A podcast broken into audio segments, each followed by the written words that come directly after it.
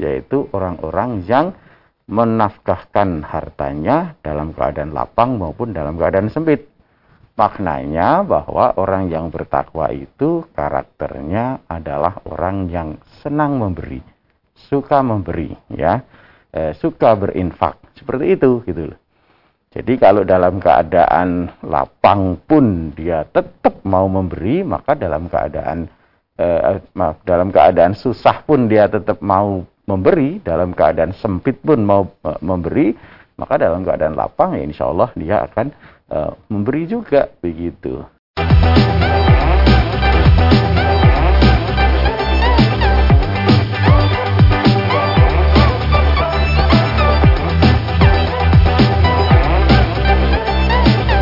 Bismillahirrahmanirrahim. Assalamualaikum warahmatullahi wabarakatuh. Saudara pemirsa channel terpilih Amtia TV di mana pun Anda berada Puji syukur Alhamdulillah senantiasa kita panjatkan kehadirat ilahi Rabbi Allah subhanahu wa ta'ala Atas kenap karunia nikmat dan juga rahmatnya untuk kita semua Di perjumpaan awal aktivitas pagi hari ini Kita jumpa kembali di program unggulan Fajar Hidayah Dan Alhamdulillah sudah hadir Ustaz Dr. Insinyur Didik Joko Susilo STMT IPM yang nanti akan melanjutkan pelajaran sekaligus memberikan pencerahan kita semua di kesempatan kali ini. Assalamualaikum warahmatullahi wabarakatuh Ustaz. Waalaikumsalam warahmatullahi wabarakatuh. Kabar baik dan sehat pagi ini Ustaz. Alhamdulillah, sehat. Ya. Dan pemirsa kembali tetap kami ingatkan untuk senantiasa kita laksanakan bersama protokol kesehatan, pakai masker, jaga jarak, dan cuci tangan menggunakan sabun. Anda nanti bisa bergabung bersama kami di line telepon yang sudah kami siapkan di 0271 679 3000 SMS dan juga di WA kami di 08 11 2 55 3000. Kita simak pelajaran kita kali ini. Silakan. Bismillahirrahmanirrahim. Innal hamdalillah nahmaduhu wa nasta'inuhu wa nastaghfiruh wa na'udzu billahi min syururi anfusina wa min sayyiati a'malina. May yahdihillahu fala mudhillalah wa may yudlil fala hadiyalah. Asyhadu an la ilaha illallah wahdahu la syarikalah wa asyhadu anna Muhammadan abduhu wa rasuluh. Allahumma salli wa sallim wa barik ala Muhammad wa ala alihi wa sahbihi ajmain. Amma ba'du. Kaum muslimin, muslimat, rahimakumullah, pemirsa MTA TV, pendengar Persada FM yang dirahmati Allah. Alhamdulillah, puji syukur mari senantiasa kita panjatkan kehadirat Allah Subhanahu wa taala. Pada pagi hari ini Allah masih curahkan rahmat kasih sayangnya kepada kita sehingga kita dipertemukan lagi oleh Allah Subhanahu wa taala insyaallah dalam keadaan baik. Dalam keadaan baik di mata Allah Subhanahu wa taala maknanya dalam keadaan beriman kepada Allah Subhanahu wa taala dalam keadaan kemauan untuk senantiasa taat kepada Allah Subhanahu wa taala, mendengarkan seruan-seruan Allah Subhanahu wa taala, kemudian berusaha menggerakkan diri kita untuk melaksanakan amal-amal soleh yang diperintahkan oleh Allah Subhanahu wa taala yang dicontohkan oleh Rasulullah Shallallahu alaihi wasallam. Nah, Kemudian pada kesempatan ini insya Allah kita akan lanjutkan lagi kajian kita, bahasan kita tentang satu amal soleh yang e, banyak disebut oleh Allah Subhanahu wa taala yang menjadi karakteristik dari orang yang e, mengaku beriman, orang yang ingin digolongkan sebagai orang yang e, bertakwa di mana amal ini Eh, terkait dengan pembelanjaan harta atau rizki yang Allah karuniakan kepada kita. Sudah kita bahas bahwa orang yang bertakwa, orang yang benar imannya, maka ketika memperoleh karunia dari Allah Subhanahu wa taala, pada sebagian rizkinya dia infakkan di jalan Allah Subhanahu wa taala. Tidak semuanya dipakai untuk dirinya, tetapi dia ada bagian yang dia berikan e, di jalan Allah. Dia rasakan sebagai satu titipan ya, karena Allah yang memberi rizki, kemudian Allah pesan kan begitu, Allah seru gitu kan. E, di surat Muhammad ayat 38 itu Allah ingatkan bahwa kita ya ini adalah orang yang diseru ya. Yud'auna uh, litung fiku visabilillah untuk menginfakkan harta kita di jalan Allah. Jadi kita maknai karena yang memberi rezeki adalah Allah gitu ya. Artinya uh, Allah sebenarnya tidak butuh itu dari Allah Subhanahu wa taala, tetapi dengan dititipkan rezeki itu kepada kita, kemudian Allah pesan gitu kepada kita ya dalam firman-Nya itu supaya e, sebagian dari harta kita itu diberikan e, pada jalan-jalan Allah Subhanahu wa taala begitu. Nah, e, kemudian di surat e, Ali Imran ayat 134 kita maknai ya ketika Allah mensifati orang yang bertakwa ya, dengan firman-Nya yunfiku fisyara'i wad yaitu orang-orang yang menafkahkan hartanya dalam keadaan lapang maupun dalam keadaan sempit. Maknanya bahwa orang yang bertakwa itu karakternya adalah orang yang senang memberi, suka memberi, ya, e, suka berinfak, seperti itu, gitu loh. Jadi kalau dalam keadaan lapang pun dia tetap mau memberi, maka dalam keadaan eh, maaf, dalam keadaan susah pun dia tetap mau memberi, dalam keadaan sempit pun mau eh, memberi, maka dalam keadaan lapang ya insya Allah dia akan eh, memberi juga begitu. Nah ini tentu kan menjadi satu hal yang mari kita eh, tanamkan pada diri kita sehingga Nabi Shallallahu Alaihi Wasallam katakan, yadul ulya khairu miyadis sufla. Tangan yang suka memberi, tangan yang di atas itu jauh lebih baik daripada tangan yang di bawah. Itu sehingga kemarin sudah kita baca beberapa hadis ya, e, beberapa penjelasan dari Nabi Shallallahu Alaihi Wasallam yang eh, ternyata bahwa ketika Allah seru menafkahkan hartanya di jalan Allah, memberikan itu uh, bukan hanya untuk para agnia gitu ya, tetapi untuk kita semua gitu, untuk membangun karakter, sifat senang memberi, tidak bakhil, tidak kemudian cintanya kepada harta menjadi sangat gitu ya, atau kemudian hatinya menjadi condong kepada dunia, akhlada ilal art gitu. Karena itu nanti yang menjerumuskan kita dari ketaatan kepada Allah. Karena itu nanti yang menjerumuskan kita dari uh, tujuan kita bahwa kita dihadirkan oleh Allah Subhanahu wa taala untuk mengabdi kepada Allah gitu. Nah, maka kemudian dilatih kita. Sehingga Rasulullah Shallallahu alaihi wasallam sampai uh, gembirakan ya. Mungkin ya bayangan kita atau secara keseluruhan uh, manusia itu berpikir bahwa namanya menginfakkan harta itu yang bagus, yang baik itu yang sebanyak-banyaknya, yang banyak begitu wah kalau e, menginfakkan harta yang baik itu berarti yang banyak berarti saya yang punya yang sedikit nggak baik dong. Nah gitu. Nah, di, di, di apa namanya diberi pelajaran kita oleh Rasulullah Sallallahu Alaihi Wasallam. Sabako dirhamun ya miata alfin dirhamin gitu. Jadi sedekah satu dirham itu nilainya bisa mengalahkan sedekah seratus ribu dirham gitu. Ya kenapa bisa begitu gitu. Nah ternyata Rasulullah sampaikan ya Eh, jika seorang itu hanya punya dua dirham, ya, uh, seorang laki-laki uh, lahu dirhamani gitu ya, dua punya hanya punya dua dirham gitu. Kemudian tasaddaqah bi ahadihima. Kemudian dari dua dirham yang dia miliki, satu dirhamnya disedekahkan. Nah, gitu. Maka itu nilainya sangat besar sekali gitu kan dibanding ya seorang laki-laki yang e, punya tumpukan harta banyak itu. Hartanya mungkin e, ratusan ribu dirham ya miliaran mungkin barangkali seperti itu bahasa kita sekarang begitu. Yang dia untuk memenuhi kebutuhannya sangat-sangat cukup berlebih ya. E, kemudian dia ambil seratus ribu dirham gitu. Yang kemudian dia sedekahkan gitu. Yang dia meskipun diambil 100 ribu dirham dia masih punya simpanan yang sangat banyak begitu. Bandingkan yang punya dua dirham ya diambil satu dirham. Ya satu dirham untuk memenuhi kebutuhan dia aja barangkali mungkin ya pas-pasan atau kurang begitu. Tapi dia keluarkan satu dirhamnya gitu. Maka kata Rasulullah Sallallahu Alaihi Wasallam ini nilainya bisa jadi lebih lebih besar begitu. Nah maka eh, bukan besar kecilnya nanti yang e, perlu kita renungkan, tetapi kemauan kita untuk taat ya dalam hal menafkahkan harta ini yang mesti ada pada kita. Dan ini tidak mudah.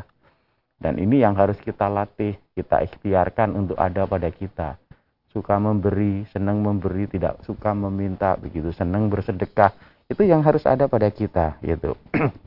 Maka dalam satu riwayat ya eh, Rasulullah Shallallahu Alaihi Wasallam mengajarkan eh, kepada kita ya eh, sedekah yang nilainya sangat besar nilainya tinggi di hadapan Allah Subhanahu wa taala. Jadi ketika kita bicara mencari nilai bagi orang yang beriman kepada Allah Subhanahu wa taala, yang dicari adalah nilai ukhrawi. Nilai di sisi Allah Subhanahu wa taala, dalam pandangan Allah Subhanahu wa taala. Bukan nilai yang nilai-nilai dunia itu. Bukan nama baik ya, bukan kedudukan ya, di dunia ini bukan bukan gitu jadi ketika orang itu beriman kepada Allah, beriman kepada hari akhir, beriman kepada hisab ya, perhitungan nanti, perhitungan amal, maka dalam kehidupan ini yang diharapkan, yang dicari adalah nilai yang di mata Allah Subhanahu wa taala gitu. Maka eh, sahabat ya bertanya dalam sebuah hadis riwayat eh, Muslim ya. An Abi Hurairah qala ata Rasulullah sallallahu alaihi wasallam rajulun Faqala ya Rasulullah ayu sodaqati a'dham? Faqala anta sodaqa wa anta sahihun sahihun tahsyal faqra wa ta'mulul ghina. Wala tumhil hatta idza balagatil khulquma kulta li fulanin kada wa li fulanin kada ala waqad kana li fulanin ya Hadis riwayat Muslim juz 2 halaman 716 ya. Dalam hadis ini ada seorang laki-laki yang eh, datang kepada Rasulullah Sallallahu alaihi wasallam. Lalu bertanya, "Ya Rasulullah, sedekah apa yang paling besar nilainya?" gitu kan. Jadi kalau e, kita umumnya sering menilai itu dari kuantitasnya, dari jumlahnya. Kalau sedekahnya banyak ya, misalkan e, jutaan ya, atau bahkan miliar gitu kan, atau triliun itu kita seolah-olah merasa bahwa wah itu yang paling besar nilainya gitu di sisi Allah Subhanahu wa taala. Tetapi Rasulullah e, kemudian jawab ini ya. Ketika seorang laki-laki bertanya sedekah yang e, paling besar nilainya di sisi Allah, pahalanya di sisi Allah, ternyata bukan beliau yang paling besar begitu. Maka jawab beliau sallallahu alaihi wasallam, kamu bersedekah sedang kamu masih dalam keadaan sehat dan kamu masih membutuhkannya gitu.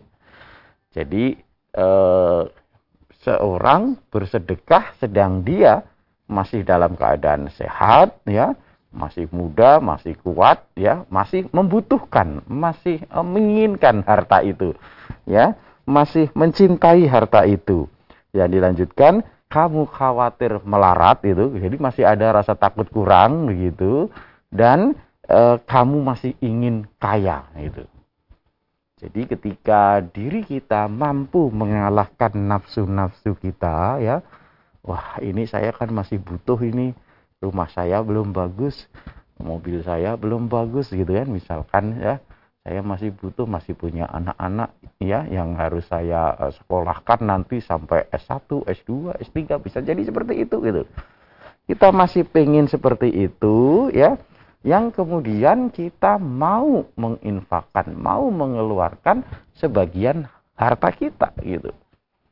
Nah, ini nanti menjadi sedekah yang uh, nilainya baik, nilainya besar di sisi Allah Subhanahu wa taala.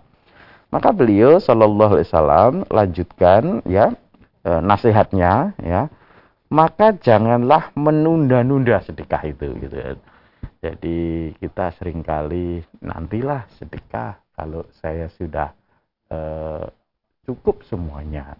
Nantilah sedekah kalau misalkan anak-anak saya sudah selesai semua sekolahnya, sudah selesai, sudah mentas bahasa Jawa. Begitu kadang-kadang. Sehingga harta kita kita simpen, kita timbun, kita simpen, kita timbun gitu. Ketika ada seruan sabilillah, ketika ada ajakan untuk berbuat baik, begitu kita uh, rasanya berat, rasanya bakhil gitu. Maka ingat nasihat Rasulullah Sallallahu Alaihi Wasallam. Maka janganlah kamu menunda-nunda sehingga nyawa sudah hampir sampai di tenggorokan. Ketika sudah sakit, ketika kemudian sudah hampir tiba ajal kita, baru kamu berkata, ya, ini untuk si fulan, li fulanin kada, ya, sekian, kasihkan si fulan. Untuk uh, si fulan lagi sekian, ya, wali fulanin kada, begitu Padahal ketahuilah bahwa saat itu hartamu itu sudah bukan milikmu ya, sudah miliknya si bulan itu. Artinya pada saat kita sudah eh, hampir ajal kita, kita sudah tidak menguasai harta itu. Jadi itu menjadi eh, miliknya ahli waris kita. Maka kita tidak bisa menguasai ini itu. Nah, maka jangan tunda-tunda itu. Nah, ini seperti uh, pelajaran dari Allah Subhanahu wa taala di Quran surat Munafikun ya Al-Munafikun ayat 10 itu gitu loh. Ya, hingga ketika datang maut kepada kita fayaqula rabbi laula akhartani ila ajalin qarib. Ya Rob, ya Tuhanku, kenapa engkau tidak uh, undurkan ajalku sebentar gitu kan? Untuk apa? Fa'asaddakoh. Untuk aku bersedekah. Wa aku minas solihin. Dan aku menjadi orang baik. Begitu. Dan ini nggak bisa. Begitu. Maka eh, ketika Allah masih kurniakan kesehatan kepada kita. Masih kuat. Masih semangat. Masih bisa bekerja. Masih pengen tadi kaya. Pengen sukses. Begitu. Nah pada saat itulah bangun. Ya e, karakter senang bersedekah, kebiasaan bersedekah, jangan bakil, jangan kikir ya. Jangan kemudian diikatkan hatinya dengan kecintaan kepada harta, jangan begitu. Harta ini mari gunakan menjadi sarana untuk kita mendekatkan diri kepada Allah Subhanahu wa taala. Sarana untuk meraih cintanya Allah Subhanahu wa taala. Maka sebagaimana firman Allah ya, kita diperintahkan wattaqi fi ma atakallahu akhirah dan carilah pada apa yang Allah anugerahkan kepadamu termasuk nikmat harta itu daral akhirah. Kalau itu yang kita lakukan, maka mudah-mudahan kita terbebas terjaga dari kekikiran. Wa may nafsihi faulaika humul muflihun. Barang siapa yang bisa menjaga dirinya dari kekikiran, kebakilan, maka dia adalah orang yang beruntung. Mudah-mudahan kita bisa e, menuju ke sana, melatih, membiasakan diri untuk tidak bakhil. Demikian mudah-mudahan bisa mengingatkan kita bersama. Baik pemirsa, kami harapkan Anda bisa bergabung bersama kami di line telepon 0271 6793000. SMS dan juga di WA kami di 08 11 255 3000. Namun sebelumnya kita akan simak beberapa informasi dalam rangkaian jeda pariwara berikut ini. Saudaraku pemirsa channel terpilih MTA TV di mana pun Anda berada, terima kasih Anda masih setia bersama kami, khususnya di program unggulan Fajar Hidayah pagi ini. Kami persilahkan di line telepon 02716793000 untuk bisa bergabung. Halo, Assalamualaikum. Halo, Assalamualaikum. Waalaikumsalam warahmatullahi wabarakatuh. Dengan siapa, di mana Ibu? Dengan Umar di Polan. Ya, silakan Ibu Umar. Assalamualaikum Pak Ustaz. Waalaikumsalam warahmatullahi wabarakatuh. Ya, gini Ustaz, mau nanya surat Al-Jazalah ayat 7. Nah gini Ustaz, di rumah kan saya menyediakan kota infak. Nah, setiap saat anak cucu tak suruh, meskipun hanya sedikit, nah, hmm. masukkan kota itu. Saya gitu Ustaz. Nah kan terus sudah terkumpul, saya masukkan di majelis. Hmm. Nah itu termasuk menunda-nunda Ustaz. Terima kasih. Wassalamualaikum warahmatullahi wabarakatuh. Karena oh. waktu itu hati mendadak itu gimana gitu loh. Yeah. Terima kasih. Wassalamualaikum warahmatullahi wabarakatuh. Waalaikumsalam warahmatullahi wabarakatuh. Jadi insya Allah tidak termasuk menunda-nunda Ibu. Nah, sudah dipesankan kepada cucunya tadi toh. Jadi sekaligus melatih ya melatih diri untuk disiplin, kemudian melatih eh, anak kita atau cucu kita untuk kenal dengan eh, sedekah di jalan Allah Subhanahu wa taala. Biasanya di rumah disediakan apa kayak semacam kenceleng begitu kan. Nah, kemudian eh, setiap hari kita infakan, kita masukkan. Nanti mungkin satu minggu ya eh, kita pesan kepada cucu kita. Nanti setelah eh, satu minggu tolong diantar ya ke masjid. Ya seperti itu. Atau kita bawa sendiri ke masjid begitu Insya Allah tidak termasuk menunda sehingga kalau misalkan sewaktu-waktu kita dipanggil oleh Allah cucu kita juga ngerti oh ini harta yang disediakan diberikan untuk masjid misalkan seperti itu. Nanti akan diantarkan ya. Jadi misalkan satu minggu atau satu bulan ya.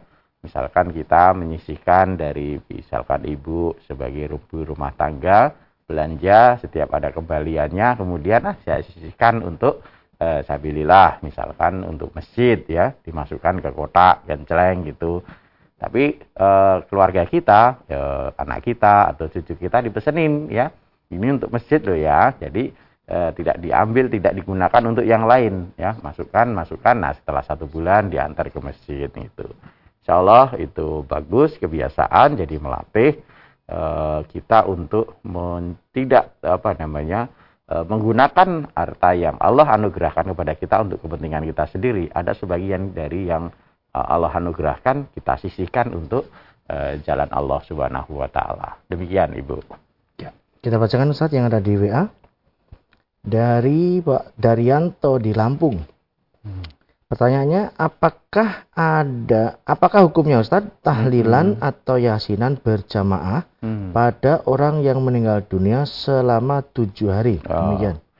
J, jadi tahlilan, yasinan eh, yang terkait dengan kematian ya, eh, itu adalah upaya dari eh, orang yang hidup agar eh, saudaranya yang meninggal itu diampuni oleh Allah ya e, diterima amal-amalnya dan seterusnya. Maka ini adalah bagian dari ibadah mahdoh ya. Karena terkait dengan tata cara peribadatan, tata cara bagaimana kita memohon kepada Allah. Nah, terkait dengan ibadah-ibadah mahdoh, Allah mengingatkan kita ya dalam surat Al-Isra ayat 36 itu. Wala takfu ma ilmun. Kamu jangan melaksanakan, mengamalkan sesuatu yang kamu tidak punya ilmunya gitu kan. Kenapa? Karena nanti inas sam'a wal absara wal ada kulu ulaika karena anhu mas'ula. Karena pendengaran, penglihatan dan hati kita nanti akan ditanya, dimintai pertanggungjawaban oleh Allah. Kamu melaksanakan amal-amal seperti ini dapat tuntunan dari mana gitu. Kamu tahu dari siapa? Seperti itu. Ya, maka di dalam kaitannya dengan ibadah mahdoh, kita itu dituntunkan untuk itiba, mengikut. Itiba kepada siapa? Itiba kepada Rasulullah Sallallahu Alaihi Wasallam yang oleh Allah diturunkan atau diutus untuk menjelaskan kepada manusia bagaimana ya menghambakan diri kepada Allah yang baik. Bagaimana beribadah kepada Allah. Yang dari beliau kita mengenal siapa Rob kita, siapa Tuhan kita gitu loh. Kalau tidak mengelalui Rasulullah Sallallahu Alaihi Wasallam, bisa jadi kita mengambil Tuhan yang lain, sesembahan yang lain, dan itu di bumi banyak. Manusia yang mengambil sesembahan selain Allah Subhanahu Wa Taala. Karena tidak e, mendapat pelajaran melalui Rasulullah Sallallahu Alaihi Wasallam, tidak mengikuti beliau Sallallahu Alaihi Wasallam. Nah maka katanya dengan ibadah ini kita cari ilmunya dulu, gitu kan? Al ilmu qobla amal. Ilmu dulu sebelum beramal. Maka kalau misalkan tadi ada orang yasinan, ada orang tahlilan, ya kita jangan kemudian segera, ah saya ikut lah. Enggak. Cari dulu ilmunya, cari dulu tuntunannya. Ada enggak tuntunannya dari Allah? Ada enggak tuntunannya, contohnya dari Rasulullah Sallallahu Alaihi Wasallam? Kalau ada, silahkan diikuti. Gitu loh. Tapi kalau kita belum tahu, belum mengerti perintah Allah untuk tahlilan, untuk yasinan, contoh dari Rasulullah Sallallahu Alaihi Wasallam untuk tahlilan dan yasinan terkait dengan kematian, ya tidak usah diikuti. Perkara ada orang lain, tetangga kita, saudara kita yang melaksanakan, husnudon kita, beliau-beliau sudah ngerti tuntunannya, sudah ngerti petunjuknya dari Allah dan Rasulnya. Ya silahkan saja gitu. Kita hormati saudara kita yang melakukan tahlilan dan yasinan. Dengan tadi prasangka baik kita mungkin bisa jadi beliau-beliau sudah ngerti tuntunannya. Monggo silahkan. Lana akmaluna walakum akmalukum. Bagi kami amal kami, bagi kamu amal kamu gitu loh. Toh kalau amal itu betul yang kemudian bernilai pahala, bukan kita yang ngasih pahala, tapi Allah Subhanahu wa taala. Kalau amal itu salah, keliru, bukan kita juga yang hukum, tetapi Allah Subhanahu wa taala. Maka seperti itu ya, eh, terkait yang ditanyakan, selama ini kita belum tahu tuntunan dasar untuk melaksanakan amal-amal seperti itu. Kalau ingin melaksanakan amal seperti itu ya cari dulu ilmunya, cari dulu tuntunannya. Ketika ketemu ya e, petunjuk dari Allah, perintah dari Allah, kemudian contoh dari Rasulullah Sallallahu Alaihi Wasallam, silahkan diikuti. Demikian ya. Baik. Kita beralih kembali di 6793000 kami persilahkan. Halo, assalamualaikum. Halo, assalamualaikum. Waalaikumsalam warahmatullahi wabarakatuh. Ya, dengan siapa di mana Bapak? Warahmatullahi wabarakatuh. Dengan Pak Hadi di Palembang. Ya, silakan Pak Hadi. Dengan Pak Hadi di Palembang. Assalamualaikum warahmatullahi wabarakatuh, Pak Ustaz. Waalaikumsalam warahmatullahi wabarakatuh.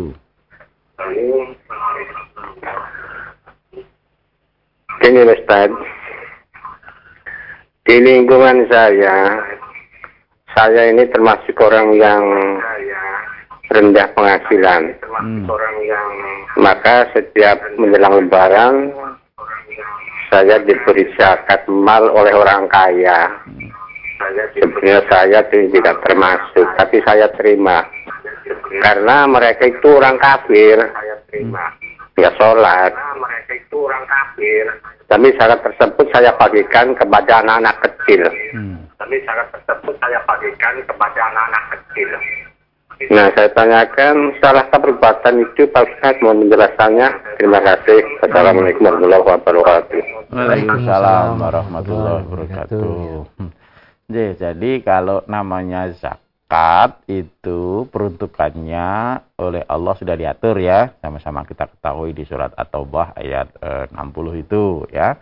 Ada delapan asnaf, delapan golongan yang e, berhak menerima zakat atau tempat penyaluran zakat.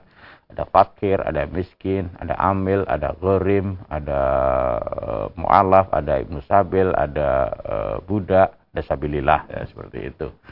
Nah, itu yang menjadi e, ketentuan dari Allah Subhanahu wa taala. Nah, sekarang ada e, orang yang e, kita kita ya. Kita itu meskipun penghasilannya tadi apa bahasanya? kurang rendah gitu ya. ya rendah. Penghasilannya paling rendah, paling rendah itu belum tentu e, apa namanya masuk dalam kategori e, fakir atau miskin kan seperti itu. Nah, dilihat dari kebutuhan ya, kebutuhan. Eh, sekali lagi kebutuhan ya, bukan keinginan ya. Kalau keinginan nanti bisa besar ya.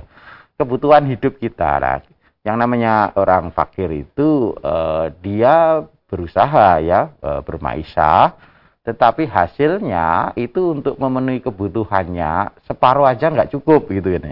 Separuh aja kurang, maka dia termasuk fakir gitu. Nah kalau miskin itu uh, orang uh, dia bekerja bermaisha untuk memenuhi kebutuhan hidupnya tetapi tidak mencukupi. Jadi kalau eh, kebutuhan hidupnya katakanlah 100, mungkin dia dapat 60, dapat 70. Nah, seperti itu. Itu maka termasuk fakir, termasuk miskin ya, yang tadi yang kurang dari 50% tadi fakir, yang eh, tidak tercukupi kebutuhan hidupnya tadi termasuk miskin. Nah, kalau itu maka dia termasuk berhak menerima zakat gitu. Tetapi kalau kita meskipun penghasilannya rendah itu menurut masyarakat bahasanya kan seperti itu. Menurut kampung setempat, oh Mas Tommy ini paling kecil nih. Dapatnya sebulan dia dapatnya 10 juta, paling kecil. Yang lain dapatnya 25 juta, 100 juta gitu. Paling kecil Mas Tommy. Nah, tetapi 10 juta yang dihasilkan oleh Mas Tommy tadi cukup untuk memenuhi kebutuhan hidup Mas Tommy dan keluarganya gitu. Nah, kalau cukup maka dia tidak termasuk miskin, tidak termasuk fakir apalagi. Maka ketika kemudian diberi harta zakat, ya disampaikan, mohon maaf, kami alhamdulillah cukup, tidak fakir, tidak miskin. Monggo silahkan disalurkan kepada yang lain, gitu ya. Disalurkan kepada yang e, lebih berhak, itu delapan asnaf, delapan golongan itu disampaikan, gitu. Kalau itu diberi zakat, itu. Kalau kemudian yang bersangkutan, ya ini pokoknya untuk Mas Tommy deh. Hmm, kalau saya lihat Mas Tommy kayaknya uh, kurang karena mungkin apa namanya kendaraannya kurang bagus itu misalkan. Dia punya kendaraan tapi pandangan orang kurang bagus. Dah ini tak sedekahkan, tak infakkan untuk Mas Tommy. Nah kalau begitu kan bukan zakat. Kalau bukan zakat, nah, boleh saja dimanfaatkan seperti itu. Kalau zakat seperti tadi e, Bapak misalkan dikembalikan kepada yang memberi, kemudian yang memberi tidak punya, ya kemudian e, ya sudah kalau begitu disalurkan kepada yang berhak. Bapak yang sudah tahu e, bahwa zakat itu untuk delapan asnaf itu, ya disalurkan kepada delapan asnaf itu. Bapak bantu untuk salurkan. Jangan kemudian berpandangan begini, wah kamu wong kafir maka zakat. Ya, itu jangan seperti itu ya. Uh, dia berusaha untuk uh, memperbaiki dirinya. Misalkan tadi orang salat ya, belum salat tapi kemudian uh, ketika menjelang lebaran ingat itu ya, wah salah satu perintah Allah untuk berzakat itu. Bapak tahu tetangga Bapak itu belum salat, maka kemudian Bapak nasihati gitu Pak Adi itu Bapak jenengan kan alhamdulillah diberi rezeki oleh Allah yang banyak ini sehingga Bapak bisa mengeluarkan zakat, bisa mengeluarkan infak. Tapi ketahuilah bahwa perintah Allah itu tidak hanya zakat, tidak hanya infak. Bagi orang Islam itu ada kewajiban yang lain. Uh, urutannya sebetulnya setelah syahadat sholat dulu, nah, gitu. Ini Bapak ngelompat ini. Sudah syahadat, sudah jadi orang Islam, kemudian zakat. Ini sholatnya belum. Apa belum tahu caranya sholat gitu kan? Nah padahal sholat itu gampang loh nah, nanti bapak untuk berkewajiban mengajak mendakwahi mengingatkan saudaranya mengingatkan tetangganya yang belum sholat tadi tapi senang zakat itu supaya bisa kemudian sadar bisa kemudian melaksanakan perintah Allah tersebut yaitu sholat karena sholat ini sangat penting itu tetangga bapak kita tidak senang tidak suka kalau tetangga kita dapat murkanya Allah karena tidak sholat. Maka bantulah supaya tetangganya tidak mendapat murka Allah. Ajari sholat, ajak sholat. Seperti itu Pak Adi. Masih ada kesempatan kita beralih kembali di WA Ustaz. Dari Bapak Asmuri di Klaten. Apakah ada dalil yang kuat tentang sholat suruk dan kapan hmm. pelaksanaannya Ustaz? Demikian.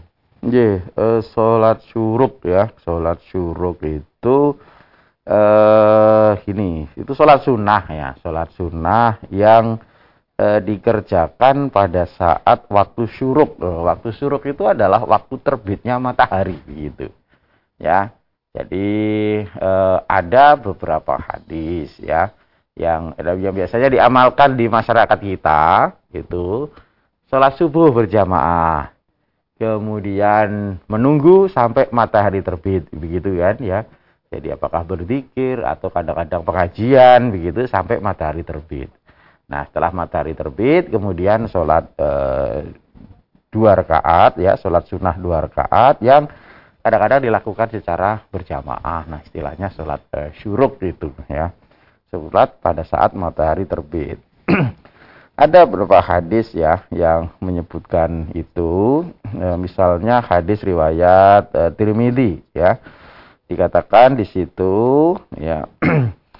An Anas bin Malik radhiyallahu an qala qala Rasulullah sallallahu alaihi wasallam man sholal hudati fi jamaati summa qa'ada yadkurullah hatta tatlu asyamsu summa shola rakaatain kanat lahu ka ajri hajatin wa umrotin qala qala Rasulullah sallallahu alaihi wasallam tamah tamah tamah gitu kan. Jadi dari Anas bin Malik radhiyallahu an bahwa Rasulullah sallallahu alaihi wasallam bersabda Barang siapa yang sholat pagi hari, ya ini sholat subuh secara berjamaah, Kemudian ia duduk berzikir kepada Allah Subhanahu wa taala hingga terbitnya dua uh, terbitnya matahari ya. Salat subuh jamaah, kemudian zikir sampai terbit uh, matahari. Kemudian ia sholat dua rakaat ya, ia sholat dua rakaat. Maka baginya pahala seperti uh, pahala mengerjakan haji dan umroh. Maka dapat pahala seperti pahala haji dan umroh. Rasulullah Shallallahu Alaihi Wasallam bersabda, sempurna, sempurna, sempurna ya. Hadis riwayat Tirmidzi, beliau berkata hadis ini hasan gharib. Ya, itu. Ya. Jadi tentang hadis ini memang ada perselisihan di kalangan para ulama ya. Ada yang e, ada yang mendoifkan ya. E, kalau di dalam apa namanya e, jadi Hasan Gharib ini ya, kalau menurut Imam Tirmidzi eh, sanatnya ini Hasan Hasan itu artinya baik ya, eh, tetapi eh, belum mencapai derajat eh, sahih. Eh, kemudian diriwayatkan oleh satu perawi saja sehingga dikatakan di situ eh, Gharib itu. Nah, para ahli hadis yang lain mengatakan bahwa dalam sanad hadis ini ada eh, seorang perawi bernama Abu Dilal yang eh, di istilahnya apa? diperbincangkan uh, oleh para ulama ahli hadis ya. Imam Ibnu Hajar al Asqalani mengatakan bahwa uh, si Abu Bilal ini adalah doif perawi yang uh, doif maka tidak mau menerima hadisnya begitu. Kemudian uh, Syalbani juga katakan uh, hadisnya uh, apa namanya uh, tidak sahih seperti itu. Dan ada beberapa hadis lain lagi. Jadi uh, ada perselisihan ya di kalangan para ahli hadis terkait dengan eh, hadis yang dijadikan dasar untuk melakukan eh, sholat sunnah syuruk gitu kan. Sholat sunnah yang eh, sebenarnya masuk kategori waktu duha ini ya. Sholat duha di awal waktu yang kemudian eh, dikatakan nilainya seperti pahala haji dan pahala umroh begitu. Nah maka e, tentu bagi kita ya ketika hadis itu ada perbincangan, ada Eh, apa namanya eh, perselisihan di kalangan para ulama dalam menentukan sahih apa tidaknya ya eh, ya kita ambil dari hadis-hadis yang sahih saja di dalam melaksanakan satu satu amalan ya nah biasanya terkait ini apa namanya nilai ya nilai pahalanya biasanya seperti itu. Dan memang apa namanya kalau sholat duha jelas tuntunannya gitu. Setelah matahari terbit itu ada tuntunan sholat duha sampai waktu uh, unta kepanasan. Yaitu memang ada satu tuntunan salat sunnah uh, duha gitu. Tetapi ketika uh, dasarnya diperselisihkan ya kita tidak yakini uh, nilainya sebagaimana apa yang disebutkan di dalam uh, hadis uh, tersebut begitu ketika hadis itu uh, diperselisihkan kesahihannya demikian Bapak ya, baik. Ustaz, sekiranya sudah di penghujung perjumpaan, ada yang bisa sampaikan sebagai nasihat silakan Ustaz. Ya. Baik, eh, para pemirsa MTA TV, eh, pendengar Persada FM, Alhamdulillah kita sudah sedikit banyak merenungkan petunjuk-petunjuk Allah, merenungkan sunnah-sunnah dari Rasulullah Sallallahu Alaihi Wasallam. Mudah-mudahan diawali dari kita mengerti, ya, ya, mengerti petunjuk Allah, mengerti sunnah Rasulullah Sallallahu Alaihi Wasallam kemudian bisa membuka hati kita untuk e, menggerakkan jasmani kita untuk beramal, berbuat sesuai dengan petunjuk Allah, sesuai dengan contoh dari Rasulullah Sallallahu Alaihi Wasallam. Dengan begitu, keimanan yang ada pada diri kita nanti akan teriringi dengan amal soleh. Nah, Barang siapa yang ada imannya dalam dirinya kepada Allah, kepada Rasulullah sallallahu alaihi wasallam, kepada apa yang dikabarkan oleh Allah, apa yang dikabarkan oleh Rasulullah sallallahu alaihi wasallam, yang kemudian imannya diwujudkan dalam amal soleh, maka dia akan digembirakan oleh Allah Subhanahu wa taala sebagai orang-orang yang beruntung, sebagai orang-orang yang bergerak beraktivitas, beramal atas petunjuk dari Rob mereka, Tuhan mereka, yakni Allah Subhanahu wa Ta'ala. Mudah-mudahan kita semua menjadi bagian dari orang-orang yang beruntung tersebut. Demikian yang saya sampaikan, mudah-mudahan bermanfaat untuk kita bersama. Baik. Kami sampaikan terima kasih atas pelajarannya Ustaz. Assalamualaikum warahmatullahi wabarakatuh. Waalaikumsalam warahmatullahi wabarakatuh. Baik, saudaraku pemirsa channel terpilih MTA TV di mana pun Anda berada, demikian tadi telah kita simak dan bersama program unggulan Fajar Hidayah di kesempatan pagi ini. Kembali tetap kami ingatkan untuk senantiasa kita laksanakan bersama protokol kesehatan, pakai masker, jaga jarak, dan cuci tangan menggunakan sabun. Saya Tamel Fatoni pamit undur. Alhamdulillah di alamin. Subhanallah wa bihamdika. Asyhadu an la ilaha illa anta astaghfiruka wa atubu. Assalamualaikum warahmatullahi wabarakatuh.